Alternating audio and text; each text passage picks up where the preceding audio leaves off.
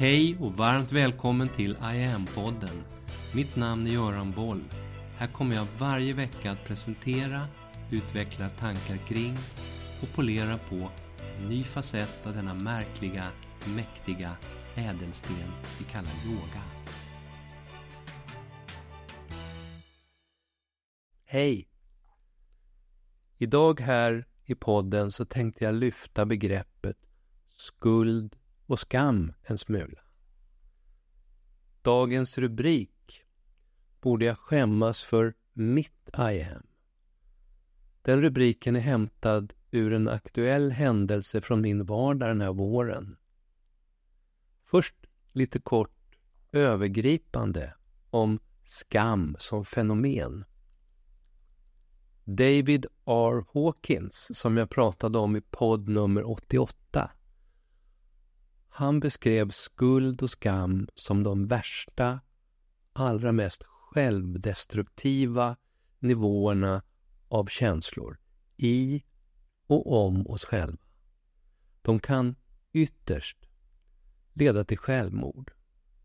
Hawkins han var en internationellt erkänd psykiater, läkare och forskare som föreläst över hela världen och som bland annat har bidragit till att lösa flera långvariga konflikter som ansågs hota världsfreden. Under 25 år så var han medicinsk chef för North Nassau Mental Health Center. Under 11 år var han forskningschef vid Brunswick Hospital på Long Island. Han samarbetade bland annat med nobelpristagaren Linus Pauling och han forskade själv under årtionden på fenomenet medvetenhet. Med hjälp av kinesiologi, också kallat muskeltestning, så genomförde han under 20 års tid många, flera hundratusen kalibreringar för att definiera medvetandets olika nivåer. Och han skapade utifrån all denna forskning det han kallade för the map of consciousness. En medvetandekarta som han sen beskrev och utvecklade tankar kring i nio olika böcker. Där presenterade han på en logaritmisk skala från 0 till 1000 hela spektrat av medvetenhet. Från de lägsta nivåerna med skam, skuld, apati, rädsla, ilska och stolthet. Via mod, acceptans och förnuft hela vägen upp till de allra högsta nivåerna med kärlek, glädje, frid och upplysning. Vid 200 poäng på skalan går en så kallad brytpunkt. Allt under 200 anses direkt skadligt för livet, både på individ och samhällsnivå. Allt över 200 utgör olika konstruktiva uttryck. Skuld och skam ligger allra längst ner på den skalan. De utgör de allra mest destruktiva nivåerna av mänsklig medvetenhet. Det här är någonting att ha i åtanke när vi idag så enkelt, nästan vanemässigt skammar andra för allt möjligt. Journalisten Sara Britz formulerade en fin, tänkvärd krönika i Göteborgs-Posten för några år sedan på det här temat, där hon skrev att skamma någon, denna nya folkrörelse, är en kollektiv uppfostringsmetod, ofta förekommande i sociala medier. Du ska rådna, förlöjligas, avslöjas som mindre vetande, pekas ut som en person i själsligt och moraliskt förfall. Din handling, dina val bryter mot en upphöjd sanning. Slutcitat. var en bra, läsvärd krönika och jag har lagt till en länk i den här veckans bloggtext om du vill läsa den. Nu till den aktuella händelsen. För några veckor sedan i samband med att jag på sociala medier berättade om nästa omgång av IAMs instruktörsutbildning som startar till hösten så fick jag en fråga i flödet om det eventuellt var så att mina IAM yogautbildningar på något sätt var länkad till den IAM-utbildning som den kvinnliga indiska vishetsläraren Amma hade kanaliserat och lärde ut. Så löd frågan. Och jag svarade med ungefär samma språkbruk och sa nej, det här det hade jag kanaliserat själv. Det jag kallade I am var en utbildning baserad på och sprungen ur kundalini-yoga-traditionen. Kort därefter så fick jag ett upprört sms från en person som själv lär ut yoga, men det är osäkert om hen själv gått någon utbildning just hos Amma. Det verkade inte så. I smset stod det att det här var allvarligt, att jag hade stulit ett inarbetat varumärke som tiotusentals människor världen över kämpat hårt för att få ett diplom hos Amma för. Hur kunde jag göra så här? Det var oetiskt och brottsligt och jag borde verkligen visa mer respekt för andra människors skapelser. Det var ord och inga visor. Det framgick tydligt och entydigt att jag borde skämmas, känna skuld och skam för mina hemska brott och omedelbart sluta upp med det jag höll på med. Jag hade naturligtvis hört talas om Amma, den indiska kvinnan som någon gång på 70-talet började ge människ människor darshan genom att krama dem. Som fick en massa följare och har gjort oerhört mycket gott genom åren. Att hon hade en utbildning som kallades I am, det hade jag ingen aning om. När jag 2016 bestämde mig för att släppa min skapelse Medyoga, när allt var klart och det sista pappret var underskrivet, då satte jag mig i tre veckor i en hydda på en strand i Goa i Indien och mediterade över framtiden. Och där kom I am-principen till mig. Det som jag arbetat med sedan dess och som jag sedan 2019 har utbildat över 100 instruktörer i. Lite nyfiket så googlade jag. Jag hittade Ammas I am och jag hittade en väldig massa annan I am också i Google-processen. I am-begreppet är milt uttryckt väldigt universellt. Det används över hela världen. Inte bara inom yogan, men väldigt mycket inom yogan. Och globalt. Överallt. Och huvudsakligen så vitt jag kunde se av människor, yogis, center och andra aktörer som inte verkade ha någon som helst koppling till just amma. Det var många som hade det här I am-begreppet med i sina namn, i sina olika verksamheter, sina produkter, utbildningar och så vidare. Även här i Sverige fanns yogiska aktörer utan några kopplingar varken till mig eller till Amma som hade med I am-begreppet på sina hemsidor och i sina utbildningar. När jag googlade så gav begreppet I am yoga cirka trekvarts miljon träffar. Där kopplingar till just amma lyste med sin frånvaro i de flesta länkar som jag klickade på. Där fanns många olika yogaformer kopplade till begreppet I am utan att de nämnde amma någonstans i sina presentationer. Det här skulle ju vara ett av amma inarbetat varumärke, skrevs det i det där smset.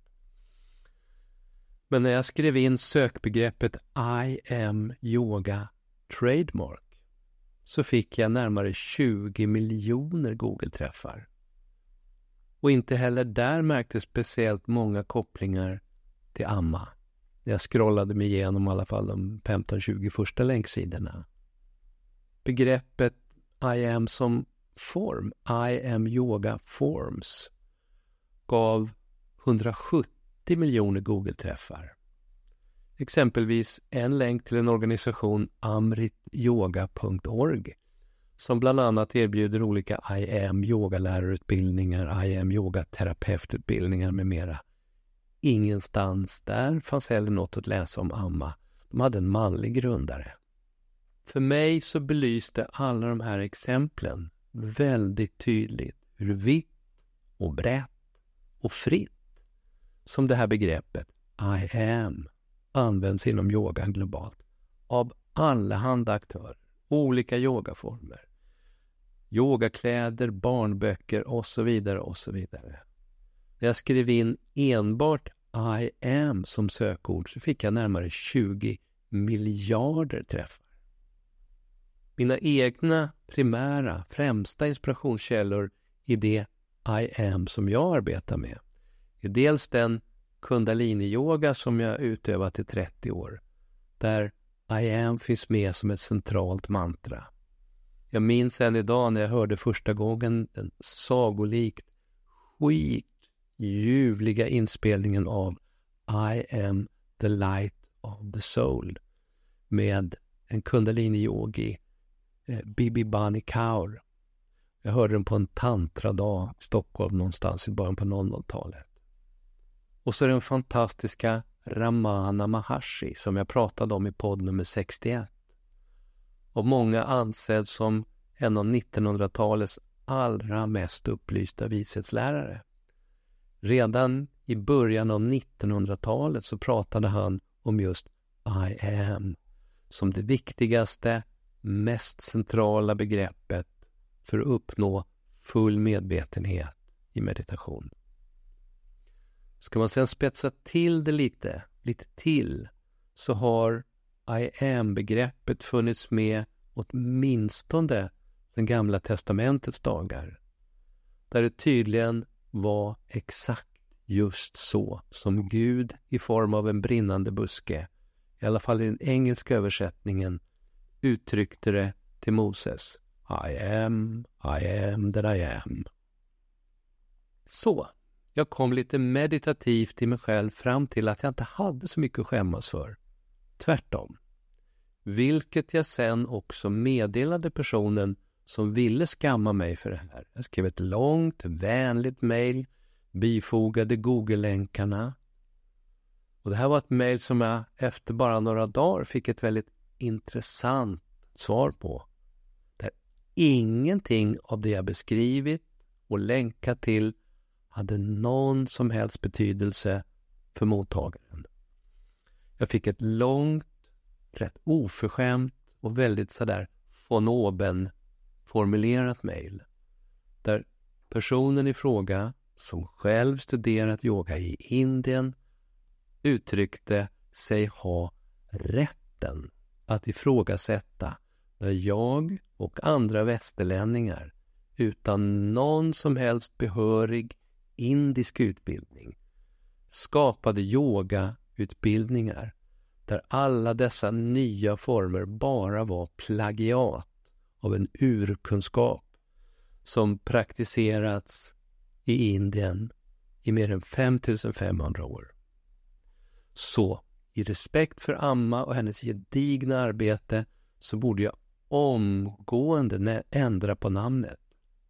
Så att det inte heller skulle bli missvisande för mina elever som annars säkert skulle få bekymmer med det här i framtiden. Punkt, punkt, punkt. Jag läste det där mejlet ett par gånger, noga, och jag insåg att jag aldrig skulle komma någon vart i några diskussioner med den här personen. Det fanns ingen mottaglighet för sånt. Samtidigt, eftersom jag anser mig vara yogisk, och eftersom frågan dykt upp så tänkte jag det är väl lika bra att gå till källan direkt. Jag frågar Amma direkt. Vad tycker hon? Det måste ju vara det mest relevanta i det här.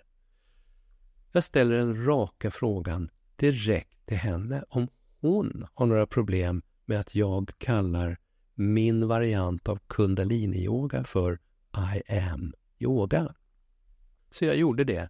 Jag skrev ett mejl till Amma i Indien.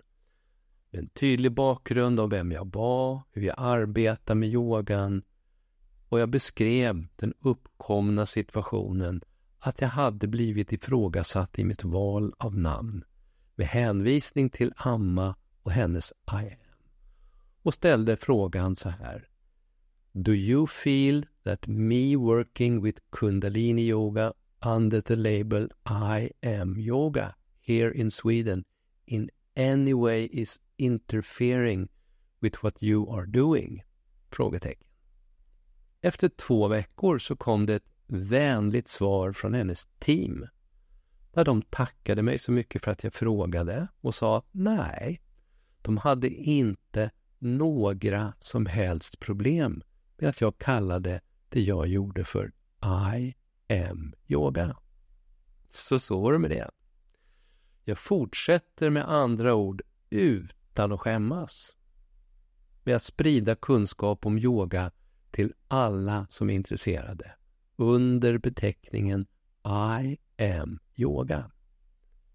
På hemsidan iamyoga.online där handlar i am från mitt yogiska perspektiv om hur viktig och kraftfull som en inifrån oss själva balanserande, upplyftande, medvetandegörande kraft som yoga och meditation kan vara när vi öppnar upp för och ödmjukt släpper in de här facetterna i våra liv. Hela sajten, hela tjänsten som syftar till att spegla centrala aspekter av vad yoga och meditation är och kan vara i dagens värld. Hela den här verktygslådan fortsätter nu också helt skamlöst att fyllas på och utvecklas framöver. Här kan du redan nu i lugn och ro, utan förpliktelser, testa I am yoga på egen hand. De första veckorna i online är helt kostnadsfria och det är ingen bindningstid. Här finns utöver podd och blogg mycket annat att välja mellan. Allt ifrån ett enstaka guidat andetag eller en enstaka övning, en meditation, via kortare sekvenser, Max Nines och Trinities, till lite längre pass, hela kurser, workshops, självstudiekurser. Du kan utbilda dig boka en enskild session med mig eller bara lyssna på vacker meditationsmusik. Hör av dig om du har några frågor eller reflektioner kring allt det här. Du hittar kontaktformulär på hemsidan och du kan även gå in på IAMs sociala medier. Varmt välkommen att testa. En av det här århundradets allra viktigaste kompetenser. Vi hörs! Mitt namn är Göran Boll. Det var jag som skapade Medyoga och grundade Medyoga-institutet. Sedan 90-talet och framåt har jag introducerat yoga i näringslivet, in i svensk forskning och in i den svenska hälso och sjukvården där Sverige idag är världsledande på yoga direkt för patienter. Framtiden för mig handlar om I am. Yoga för medvetenhet och hälsa. Läs mer om kurser, online-träning, utbildningar med mera på hemsidan iamyoga.online. Följ oss gärna på sociala medier och tycker du om de här poddarna så tar jag tacksamt emot om du vill gå in på iTunes, Spotify och där poddar finns och ge mig ett betyg så vi blir fler som hittar in i yogans värld. Tack för att du lyssnar och delar.